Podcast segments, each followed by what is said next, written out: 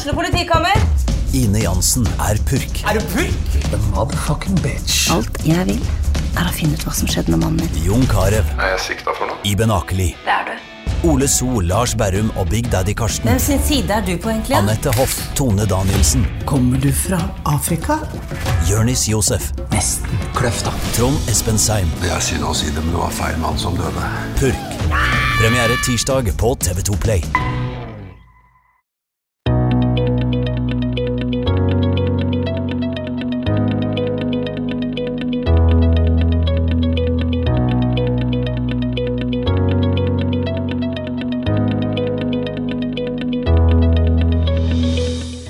Er det du som har funnet fram til Familierådet i uh, favorittpodkast-appen din, da? Kommer du her og hører på oss? Så koselig! Velkommen skal du være til en ny episode.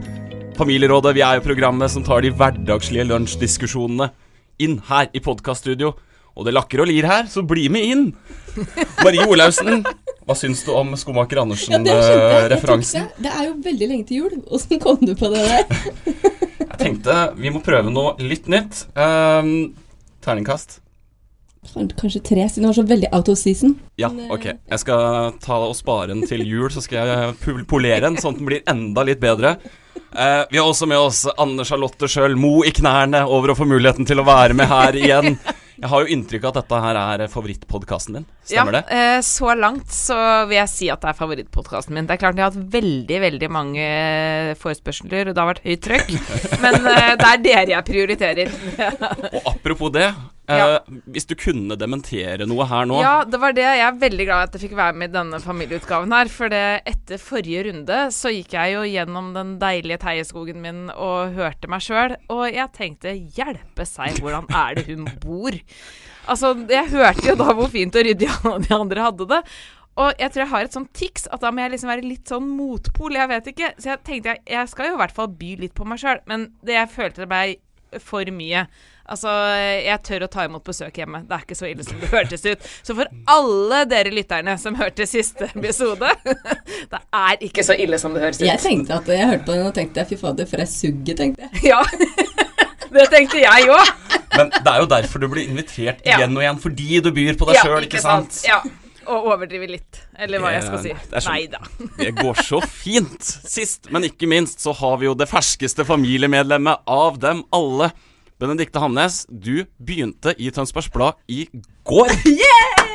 Applaus! Og etter at eh, Marie og jeg har prøvd og feila inne i studio her i månedsvis, så kommer det endelig en med radiokompetanse inn i bua.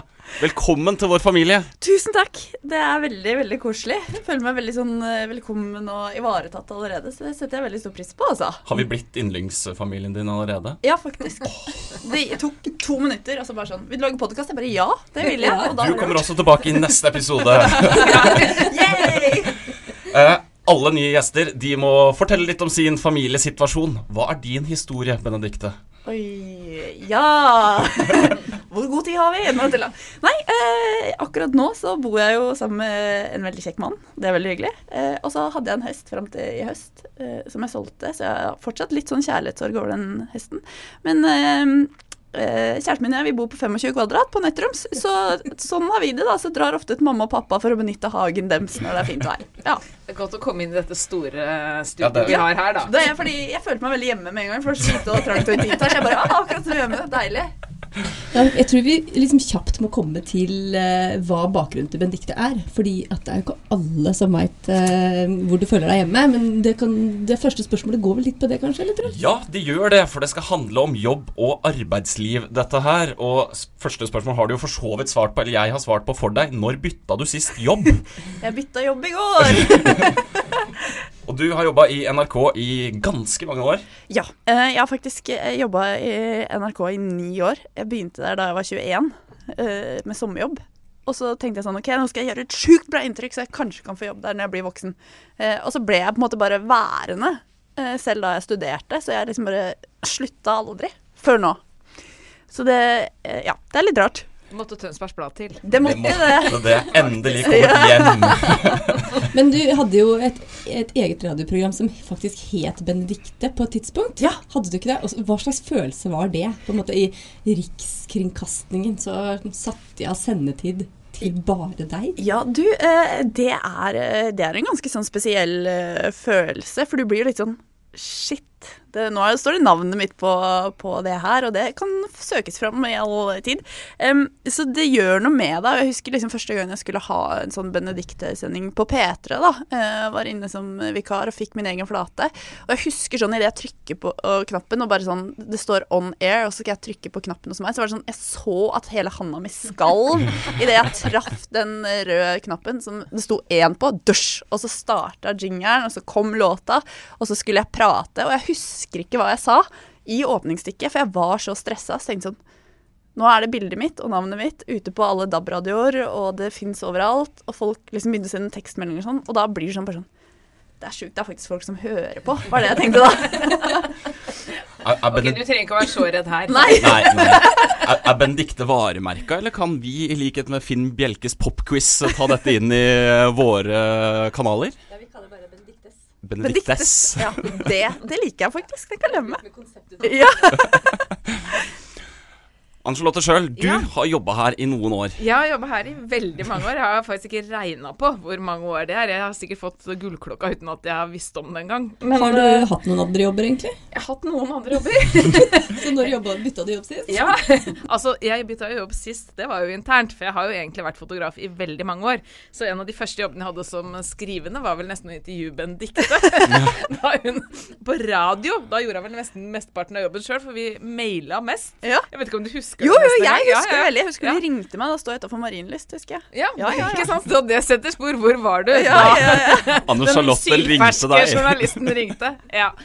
Nei, jeg har hatt noen andre jobber, men eh, det har vært eh, mest uh, morojobber. Sånn Nøtterøy bakeri, og der har jeg gjort både det ene og det andre. Og så har jeg jo vært på Epcot-senteret, da. Det er kanskje den morsomste jobben jeg har hatt. Ja, Hva er det for noe? Jeg, det er eh, Disney World i Florida, så da sto jeg i bunad.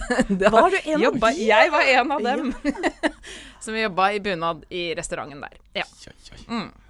Marie, du også begynner å få noen års eh, erfaring her i dette huset.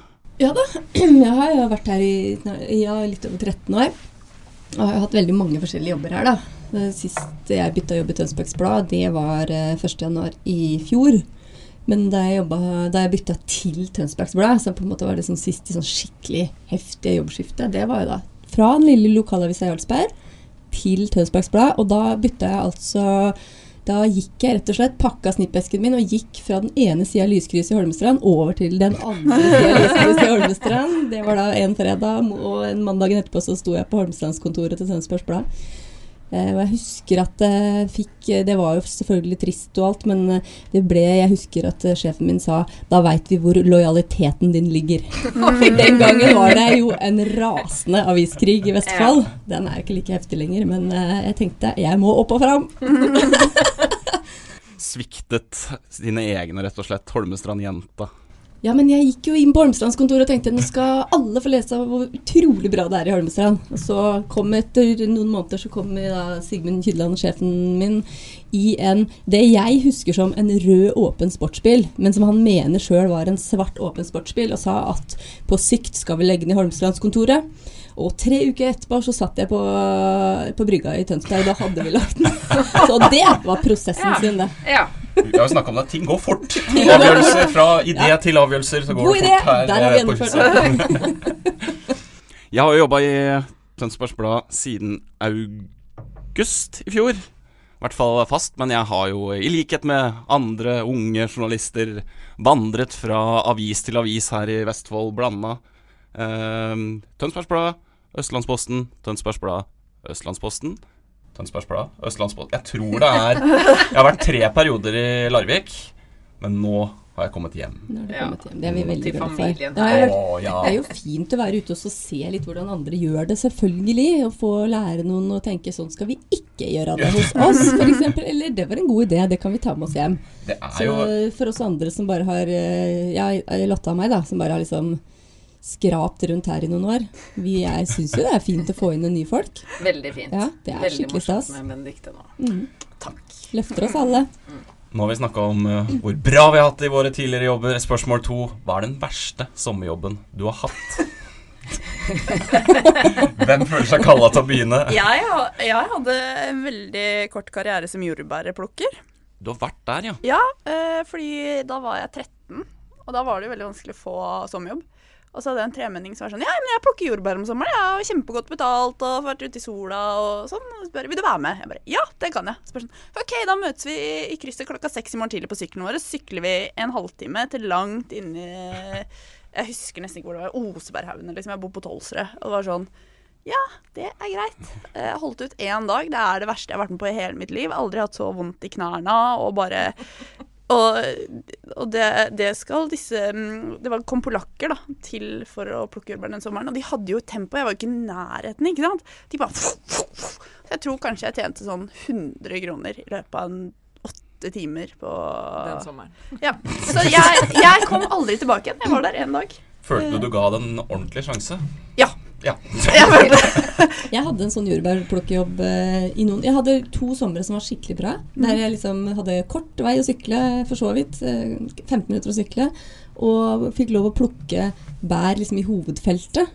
Eh, og det var helt greit, og det var hyggelig, og bonden var helt knall. Og så året etter så, så skulle jeg ha jordbærplukkejobb litt lenger inn i den samme veien. Så det var litt lenger å, å, å sykle. Og da eh, blei jeg satt på det feltet som skulle plukke etter polakkene. Ja, det vil si vi skulle, Ja. For de plukka de store, fine bæra som skulle selges på torvet. Og så kunne vi andre vi måtte plukke syltebæra. Det vil si at vi måtte ta hamsen også. Og så skulle vi fortsatt få like mye betalt per kurv.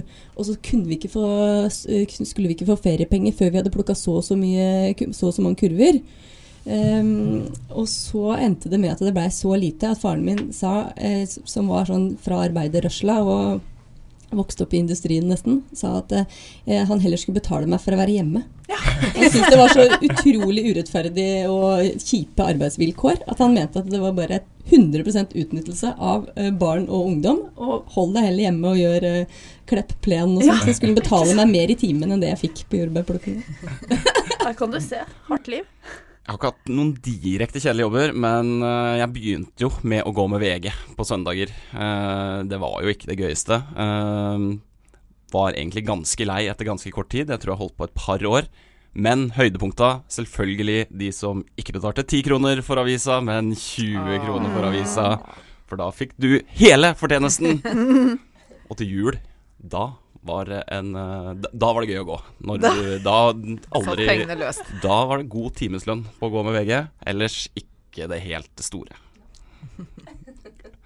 Hva med deg, Lotta? Verste jobben du har hatt? Den verste sommerjobben jeg har hatt, det tror jeg var eh, Altså, det verste sommerjobbene var jo de jobbene vi hadde før vi fikk sommerjobber. Da vi var nødt til å rydde hjemme og ordne hjemme. Så det var jo en befrielse å komme til Nøtterøy bakeri og begynne ute i bedet der og, lempe mm, sånn bark. Altså I varmen så lukter jo sånn bark veldig Det tror jeg kanskje er den verste sommerjobben jeg har hatt. Ellers så har jeg stått i eh, oppvaska på hotellklubben, men der også avanserte jeg etter hvert til uh, stuepike. Så, så jeg, jeg tror jeg har vært heldig at jeg i hvert fall har gått uh, Jeg begynte med det verste, og så har det gått oppover. Og da husker man jo ikke det første som så ille likevel, for da var du liksom bare glad for å få jobb. Ja, ikke sant? Ja. Så ja. Men barken tror jeg kanskje sitter den lukta. Den kjenner jeg litt ennå, faktisk. mm. Da, da forsto jeg det som at jordbærplukker var din uh, verste Det opplevelse var òg, vel eller? kanskje min kjipeste jobbopplevelse, men jeg hadde, jeg hadde eh, noen somre som jeg var guide på Holmstrand museum. Og det var, kunne jo være ganske stille, da. Det var jo ikke alltid Det var sånn voldsomt rush med folk som skulle vises om. Eh, men der, eh, så, så der var det kanskje den stillesittinga som blei eh, verst. Men der fant jeg jo på noen oppgaver. der. Blant annet så tenkte jeg denne trappa trenger vel å bli malt, så da malte jeg trappa. Og så lærte jeg meg veldig mye om konjakkproduksjon. Leste og leste og leste, fordi Bakke Gabrielsen-familien kommer fra Holmestrand, så det var en del av eh, utstillingen. Og der hadde Bakke Gabrielsen donert noen sånne Bakke Gabrielsens sjokoladebiter som liksom lå i utstillingen. Og det må jeg si at det var ikke mange sjokoladebiter igjen når det kom noen folk innom. For det ja. Leste og leste, drakk og drakk? Leste og leste, og lukta. Lukta, Ja, det var sånn konjakkluktglass som du kunne lukte på. Men det var vel ikke noe alkohol i det. Så vidt jeg veit. Spørsmål tre, og da Dette spørsmålet kom jo egentlig på morgenmøtet i dag, da noen nevnte Uh, noe om en arbeidsvei, veien til jobb i dag, Lotta. Det, Ja, jeg er jo veldig glad i denne skogen min, da. Syns det er kjempedeilig å gå til jobb og følge med når det kommer eh, hvitveis og jeg vet ikke hva. Men eh, eh, jo, nei, arbeidsvei. Jeg har en fin arbeidsvei. Det tar meg 25 minutter å gå. Men eh, i dag ble det litt bråstopp da jeg kom til Andedammen, og det er jo egentlig før den fine delen av veien begynner. For da hadde de altså gruslagt stien min. Din sti! Og, som det, ja, og det er det jo sikkert så mange der ute som er så glad for. Men de lysegrå, støvete eh, gruse... Eller steinen, det eh, skar jo da i mine øyne, eller hva jeg skal si. Så eh, jeg har roa meg litt nå. Jeg skjønner at eh, Og det var heldigvis ikke Jeg så jo for meg da at eh, de skulle legge sånn grus i lysløypa og alt som var, men da jeg kom dit, var det mer på normalen igjen. Og, og, stien, og den ordentlige stien min begynte etter hvert, da. Så det, det er ikke sikkert det var så mange meter som det hørtes ut som da jeg først kom på morgenmøtet her. Men, eh, men er det ikke sånn det skal være, da? da? At vi blir litt engasjert av det som skjer i nærmiljøet vårt? det er hele Så poenget med en lokalavis. Det er hele poenget. Så det er eh, veldig Jeg vet ikke. Det er mulig at den var litt De, har, de drev og kutta her før helga. Så jeg burde kanskje skjønt at noe var i gjære. Så de har rydda opp litt, men det var Og altså den tenker ja, ja. Men jeg skal ut og spraye litt med litt sånn eh, granbar og litt grann eh, dempe den grusen litt, så kanskje det blir bedre. Ja. Vi får vel lese om alt på tb.no. Det burde vært inni mitt hode. Nå kom det ut av min munn. Altså det Ja. Mm. Benedikte, du har fått kortere arbeidsvei, i hvert fall, eh, i løpet av de to siste dagene. Du vet hva, Livet mitt har blitt totalt forandra i løpet av to dager nå. Eh, fordi jeg har jo pendla til Oslo fra Kalnes brygge i tre og et halvt år snart. Eh, og fra dør til dør så tok det ca. to og en halv time, hvis alt klaffa med NSB, eller nå Vy, eh, og Ruter i Oslo. Eh, men nå så tar det meg altså fem minutter akkurat fra jeg låser døra til jeg er her, og det er utrolig deilig. I går sjekka jeg. Jeg låste døra mi 0809, tok i dørhåndtaket her nede 0814. Boom! Ja. Så det du du regna 20 minutter tid på å Ja, komme ja. til jobb. For jeg, jeg tenkte det er viktig å være ute i god tid eh, første dag.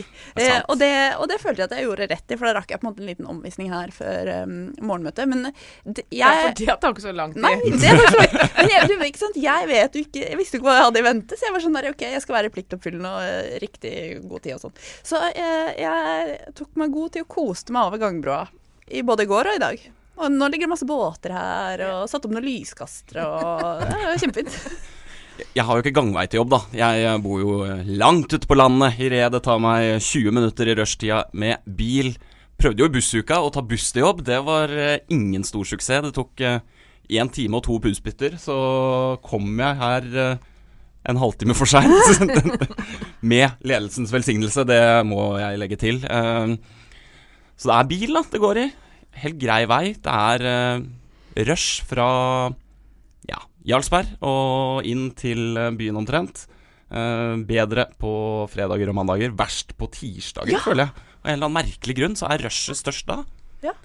Jeg, for, jeg klarer ikke å forklare hvorfor. Men kan jeg komme med en teori der som har vært eh, togpendler nå? Eh, fordi det erfarte jeg også Jeg bodde en periode hos mamma og pappa på Tolvsrød før jeg flytta til Kalnes, og måtte da inn til jernbanen. Og tirsdager og torsdager er de absolutt verste dagene. Og jeg tror det er fordi at veldig mange har så snille sjefer at de får langhelg.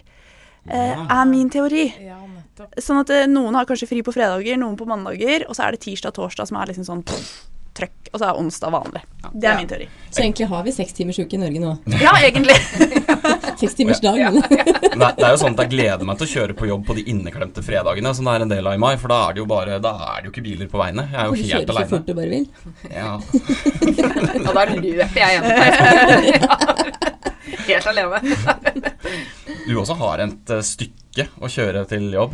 Jeg har 23 minutter hvis jeg ikke skal innom SFO eller eh, butikken. Det skal du ofte. Så, ja, så eh, 23 minutter er jo ikke noe Det er med bil, da. 15 minutter tar jeg faktisk toget, da. Men da må jeg gå et stykke i begge ender. Men, eh, så det vurderer jeg. eh, å kjøpe meg et månedskort. Jeg gjorde jo det før jeg fikk barn. Det er litt mye logistikk med barn, men jeg er sikker på at jeg hadde klart det. Jeg krever kreve bare at jeg tar meg sammen litt og liksom får gått til tida. For ellers Fordi- er det ja. plutselig en time til neste tog. Ja, og det er litt kjipt. Men jeg kan fortelle at fra Kalnes brygge opp til jernbanen her, så tar det tolv minutter å gå. Så du kan jo trekke fra, så da er det ti, ti minutter, da. Ja. Jeg har tolv minutter i andre enden hjemme hos meg Ja, også. Så, ja. Nei da, men det, jeg syns jo det er veldig hyggelig å kjøre bil.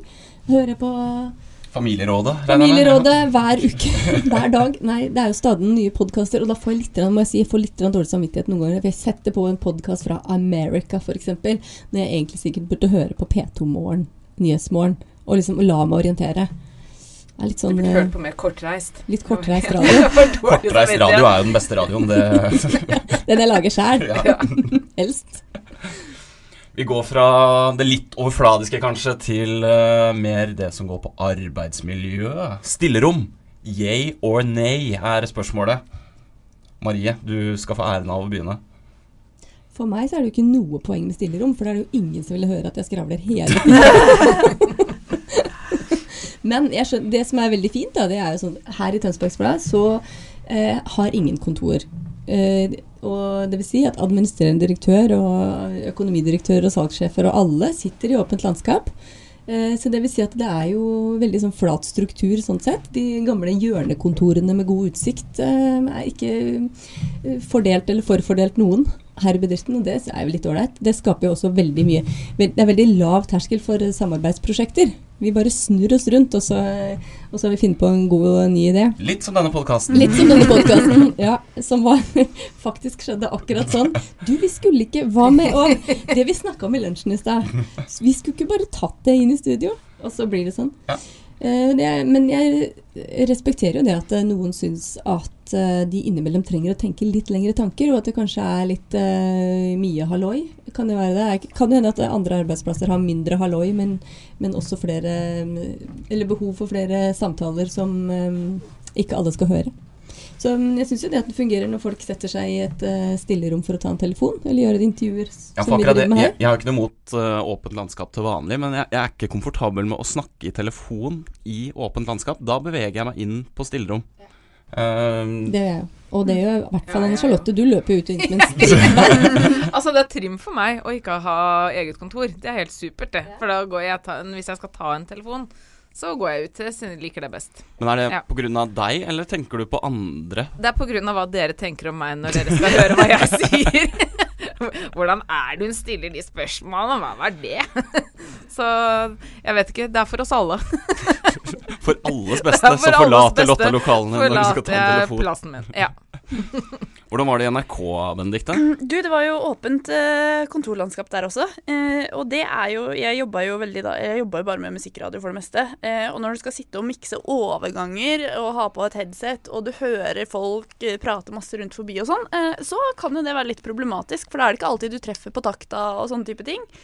Så jeg noen ganger tenkte sånn Å, jeg skulle bare ønske at det var litt roligere her. Så jeg fikk bestilt meg sånn headset som var litt mer sånn støydempende for bråk rundt, da. Og det hjalp jo litt. Um, men jeg, jeg liker, hvis jeg skal tenke veldig sånn eh, seriøst om noe, så må jeg ha litt ro rundt meg. Men det som er så teit, er at jeg kan godt sette meg i et stille rom, men da putter jeg på musikk. Eh, og så er jeg jo konsentrert da, liksom. Eh, så jeg, jeg har jo allerede begynt med det her nå, å sitte med musikk eh, når jeg jobber, fordi det gir meg noe. Men jeg kjente nå at jeg ble så letta når dere snakka om det med telefon. Fordi jeg gjorde mitt første intervju over telefon i stad, så var jeg sånn Jeg kan ikke sitte her og gjøre det. Jeg må gå. Så jeg gikk og lokka meg inn på det som jeg ble fortalt var sånn Dette er et telefonrom, her kan du ringe. Så jeg satte meg der så tenkte sånn Jeg føler jeg er den eneste som har gjort det, for jeg hører folk prate hele tiden. Men nå kjente jeg at jeg bare ble sånn Ja, det, er veldig ulik praksis fra person til person på huset her. Det, er, eh, det kan vi vel slå fast. Men i, at men i trivselsreglene så skal egentlig alle gjøre det. Så kan det hende at det, det er forskjell på oss også. Noen er flinkere til å holde stemmen nede, og noen av oss er kanskje, hvis vi blir ivrige og det, ja, glemmer oss litt, så da kan det være greit å gå ut, tror jeg. Ja, så var det også som det du sa, at det, ja, man blir liksom stressa for hva andre tenker om de spørsmålene du stiller. Bare sånn derre hva, hva, gjør, hva tenker de om meg nå, liksom? Ja, for det er for Ja. egen del at Ja, det går ut. Ja, ja, ja. Det er- ikke, kult å at Dette er sikkert andre- en diagnose. Ja, altså, vi, helt sikkert. Nå får vi snart mass, masse tekstmeldinger inn fra alle lytterne våre. Jeg følte i hvert fall bare at det var veldig godt at vi var fler. At det ikke bare var meg som var rar, liksom. Ja, det tror jeg er en del av diagnosen. Men du var jo så vidt inne på at uh, i et åpent landskap så er det litt vanskelig å koble av. Jeg klarer å koble av greit hvis jeg må, så bare andre lyder og sånn, så lar la jeg meg ikke påvirke av i det hele tatt, egentlig. Hvordan er, hvordan er du, Lotta, til sånt? Nei, du vet hva, jeg også overraskende Eller jeg har alltid tenkt at jeg blir veldig irritert av lyder. For lyd er faktisk noe sånn Jeg kan sitte og irritere meg over sånne dumme lyder eh, som noen gjør. Eh, men eh, nå, det tror jeg kanskje er litt av det at vi sitter i åpent landskap, så er det litt sånn at jeg har blitt mye flinkere til å bare lokke det ut. Så mm. gjelder det ikke meg, så gjelder det ikke meg. Og da hører jeg ikke nødvendigvis hva det er heller, eller at noen snakker. Så jeg syns det, det har gått overraskende bra. Jeg klarer å konsentrere meg mer enn jeg hadde trodd. Så ja. Selv med Marie ved siden av deg i sirkelen? Ja, altså jeg klarer å konsentrere meg, men det er jo ikke noen lyder vil du jo høre. Altså, det er ja, noen ting sant? du er redd for å gå glipp av. Så jeg har nok de antennene ut av det. Altså jeg prøver å få med meg det jeg syns jeg må. Og er det latter, så er det klart at jeg har litt lyst til å høre hva det er. Og det, det er det jo innimellom. Med Marie er det det, faktisk. vi kan si det sånn. Og apropos det, siste spørsmål. Kanskje du egentlig burde gå ut nå, Marie? For nå skal vi jo ta opp Hva er en dårlig sjef? Har alle Marie til sjef? Nei, ikke jeg. Nei, Nei jeg, okay. jeg, tror ikke det. Du får det er bare meg, ja. Okay, du har det, ja. Hun, hun hører ikke på denne podkasten. Nei, hun gjør ikke det. Nei. Sånn øra, nei, fingra i øra. Ja. ja. Men hva er en dårlig sjef da, Marie? Du som har uh, masse ledelseserfaring. du, nei, uh, det er jo utrolig mange dårlige sjefer. Det er, veldig, det er jo Ledelse er jo sikkert et fag, har jeg sett. Noen av oss har bare ramla inn i ledelse. Eh, og det er nok mange som har gjort det, ja. Men jeg har hatt eh, en del sjefer opp gjennom åra. Noen som har vært veldig sinte, noen som har vært veldig slappe, noen som har vært veldig støttende, noen som har vært veldig morsomme å ha som sjefer. Og jeg hadde en gang en sjef som virkelig aldri hadde tid. Aldri hadde tid. Ikke sånn ett minutt til bare du, jeg kunne ikke bare Jeg skulle bare ha avklart. Jeg skulle bare eh, Aldri. Eh, og etter å ha liksom prøvd veldig lenge å liksom forankre det jeg dreiv med å spørre om, begynte, så begynte jeg sånn å finne sånne andre sjefer. Noen andre på avdelingen som, som, jeg kunne drøfte med. Og så ble det bare tatt masse beslutninger da, uten at sjefen min var involvert. Fordi vedkommende faktisk aldri hadde tid. Eh, og så eh, hadde jeg da tenkt at jeg kan jo ikke jobbe sånn, så jeg har skaffa meg en ny jobb. Eh, men, og så prøvde jeg veldig lenge å få sagt at jeg måtte si opp. Liksom, for jeg tenkte det er jo fe, Det, det, er eh, jo veldig greit å si, liksom, si fra, ikke bare sende en oppsigelse. Og tross alt det er kanskje en god arbeidsgiver. Det var liksom, det var liksom to, to, kontor på bortsida, sa sjefen. Sa sjefen, så tenkte jeg det er jo greit å kunne eh, Så i hvert fall så banka jeg på kontoret til denne sjefen og jeg sa at du, jeg må snakke med deg. Ja, nei, jeg har ikke tid i dag. Eh, og da åpna vedkommende døra, og der satt på en måte ledergruppa da, eh, i, på vedkommendes eh, kontor. Eh, og så eh, endte det med å si ja, men hvis det er så veldig om å gjøre, kanskje du bare kan si det nå? sa jeg. Så tenkte jeg ja, det kan jeg faktisk si nå. Så foran hele ledergruppa så sa jeg ja, du, jeg har fått en ny jobb, så jeg må si opp jobben min. Jeg hadde ikke tenkt å si det sånn i plenum, men jeg har virkelig prøvd å få tak i deg en stund. Og så sa jeg du kan ikke bare si opp, du har tre måneders oppsigelse. For jeg sa jeg begynner om to uker. Eh, så sa, og så sa han du kan ikke bare si opp, du har tre måneders oppsigelse. Og så sa jeg nei, jeg har ikke det, fordi kontrakten min har gått ut for lenge siden. Og det har jeg også nevnt for deg et par ganger, at kanskje Oi. vi kunne fått orden på den kontrakten. Eh, så da var det 14 dager eh, til min kontrakt gikk ut, og da gikk jeg ut etter 14 dager. Og så jobba jeg litt kvelder for å avslutte prosjektet. Da. Men det tenker jeg, har jeg tenkt mange ganger at det, det å være tilgjengelig som leder eh, Det er lov å si sånn Kan du gi meg to minutter? Eh, og minn meg på det hvis jeg har glemt det. Men prøve i hvert fall å kunne ta alle de der små brekka. For det blei ganske ubehagelig, rett og slett. Ja, det, den historien der, den var ny. ja, jeg har ikke hørt det før. Nei. Nei. Jeg er helt målløs, har jeg sett. ja, fy søren. Er en dårlig sjef, Lotta? Uh, nei, jeg har også hatt litt forskjellige sjefer. Jeg hadde en uh, jeg tror liksom det er, Men det er litt sånn hvordan du ser på sjefen nå, tror jeg kanskje. For at i, uh, da jeg jobba i USA, så var det jo liksom supervisor. Og det var veldig sånn inn på kontoret og bak, ja. Og egentlig også borte på hotellklubben så var det sånn Hva heter det? Koljomfru? det det var også litt sånn inn i eh, på et kontor med mahognipult og sånn. Eh, og så har jeg jo hatt pappa som sjef da jeg jobba i blomsterbutikk, så eh, det er liksom noe med Det var ikke så formelt, eller? Var det, det var ikke så formelt. Nei, det var ikke. Og det var ikke, det var ikke, noe, det var ikke noe ulempe, for jeg syns ikke pappa var en dårlig sjef. Men det som er ulempe, eller det som ikke er så gøy, det er å være dattera til sjefen. Ja. Det er jo ikke noe sånn kjempegøy, Det er- liksom. du taper Ikke- på det uansett, Ja, du gjør det. Det er ikke noe sånn om du er dårlig eller flink i jobben din, Mm. liksom, så er du liksom bare dattera. Selv om du har veldig gode kollegaer der, altså. Det må jeg si. De var ikke noe De var greie med meg. men eh, Nei, men jeg er vel litt enig med Marie. At det er vel det eh, Altså, ja, Det er jo lettere å snakke om hva som er en god sjef enn hva som er en dårlig sjef, men jeg er enig i at uh, første bud er vel å være tilgjengelig, eh, og kanskje heller løfte opp enn å trykke ned. Er, eh, ja. Jeg, fort, jeg hadde en sjef som øhm, etter endt arbeidsdag fortalte alt jeg burde jo ha gjort, men som jeg Ja. ikke gjorde, når jeg gjorde andre ting i stedet. Det lærte du sikkert masse Ja, av, og ble fint- mye fint- bedre i jobben din. Fint å komme etterpå, liksom. ja. Uh, ja, takk for det. Altså, da, ja, det er, veiledning er noe herk. Rett og slett. ja. Ja, nei, jeg, jeg slenger meg litt på den der med å være tilgjengelig. For jeg mener at ofte så har man jo spørsmål eller lurer på noe uh, som det kan være greit å bare avklare med sjefen sin før man durer i vei. Men um, jeg tenker også på det med liksom, kommunikasjon. Uh, at uh, ledere også må være tydelige når de kommuniserer, og kanskje også ha litt mer åpenhet rundt ting som skjer i en bedrift, i hvert fall når det begynner å gå rykter og sånne type ting. Eh, at det er en tydelig kommunikasjon eh, også ledere imellom, sånn at ansatte får den informasjonen de skal ha. Eh, og samtidig at ledere ser sine ansatte, tror jeg er veldig viktig. Fordi ehm, man blir jo fort bare en eh, brikke i eh, et spill, på en måte. Så der, ja, du ser. se meg, se meg! Ja, Marie sparker meg. Ja, jeg ser deg. Men jeg tror, det, jeg tror det er veldig viktig, altså. Eh, fordi man opp, har jo opplevd det også. At eh, ledere nesten ikke anerkjenner at du eksisterer. Eh, og det er jo ikke noe hyggelig.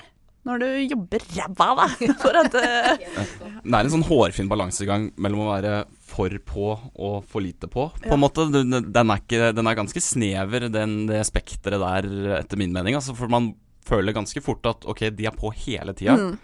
Og så samtidig, når du ikke får noe, eller får litt for lite tilbakemeldinger, så, så, så savner du det òg. Det er eh, Ja, det er ganske vanskelig, og folk er jo veldig forskjellige. Noen vil jo bare sitte og jobbe for seg sjøl. Vil helst ikke ha noe at noen bryr seg eller bryr seg om.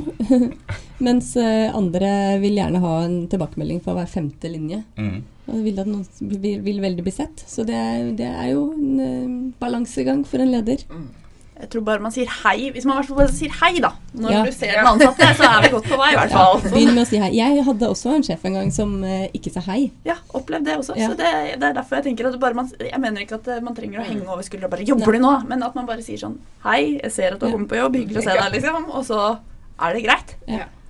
Åssen syns du det har gått disse to dagene? Du, det har gått overraskende bra. Altså, jeg, jeg, Jeg har sett at du er her, i ja, ja, det er veldig hyggelig. Her Selv om ikke vi sa noe om det. Bare lot man passere, sånn Ja. vi stillhet alle sånne.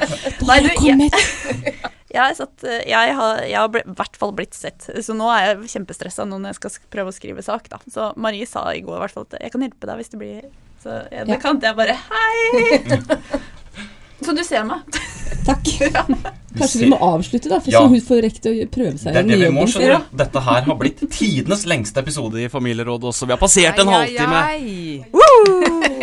Tida går fort når man har det gøy. Uh, har du rata podkasten vår i appen, uh, Benedicte? Nei, men jeg har hørt den. Jeg skal, jeg skal inn og rate nå. Jeg lover. Denne her episoden får fem. Ja, Ja. det er bra. Podkasten generelt, da. Det er fem. Fem. Det er så koselig. Den går jo bare til fem. Tenk om det kommer inn en toer nå, og så ser vi Ja, Ødelegger akkorden. Uansett, takk for at dere var med oss i dag, og håper at uh, folk har lært et eller annet om dårlige sjefer og veier til jobb. Og så høres vi igjen plutselig. Ha det bra. Ha det.